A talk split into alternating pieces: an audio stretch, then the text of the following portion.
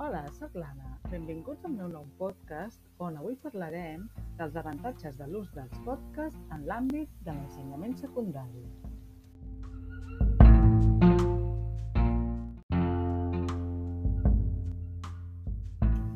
Tots sabem que els podcasts són petites gravacions que es poden escoltar en qualsevol moment, en qualsevol lloc i només necessitem un mòbil i uns auriculars. Per tant, podem crear qualsevol tipus de contingut educatiu adaptat a aquestes circumstàncies.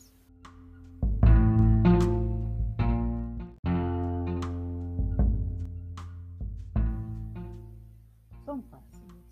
Tant els docents com els alumnes poden crear els seus propis continguts i distribuir-los de forma senzilla perquè només necessiten el mòbil per crear-los.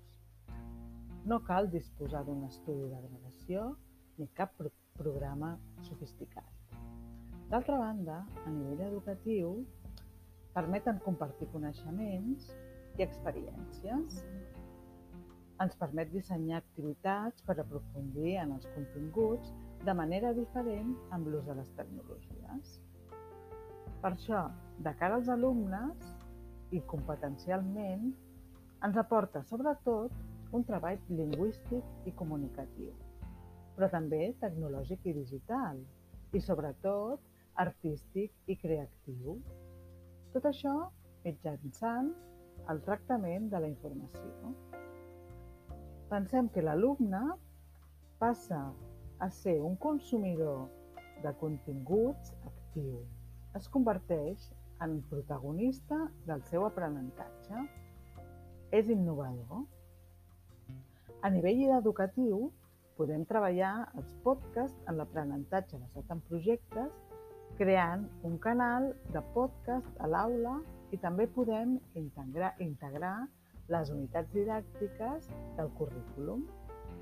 Per acabar, hem de tenir en compte que desenvolupant un projecte d'aquestes característiques ajudem l'alumne a ser el protagonista del seu propi aprenentatge.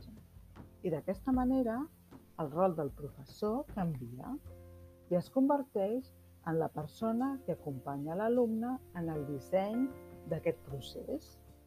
Fins aquí la reflexió d'avui sobre el treball en podcast a classe. Espero que us hagi agradat i fins una altra. Salut!